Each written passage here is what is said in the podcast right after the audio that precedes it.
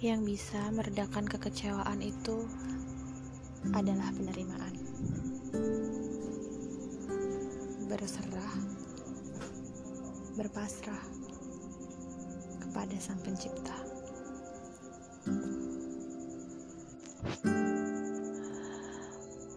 Rasakan hangatnya pelukan dari semesta. Dia berbisik, Jangan gundah. Nggak perlu resah.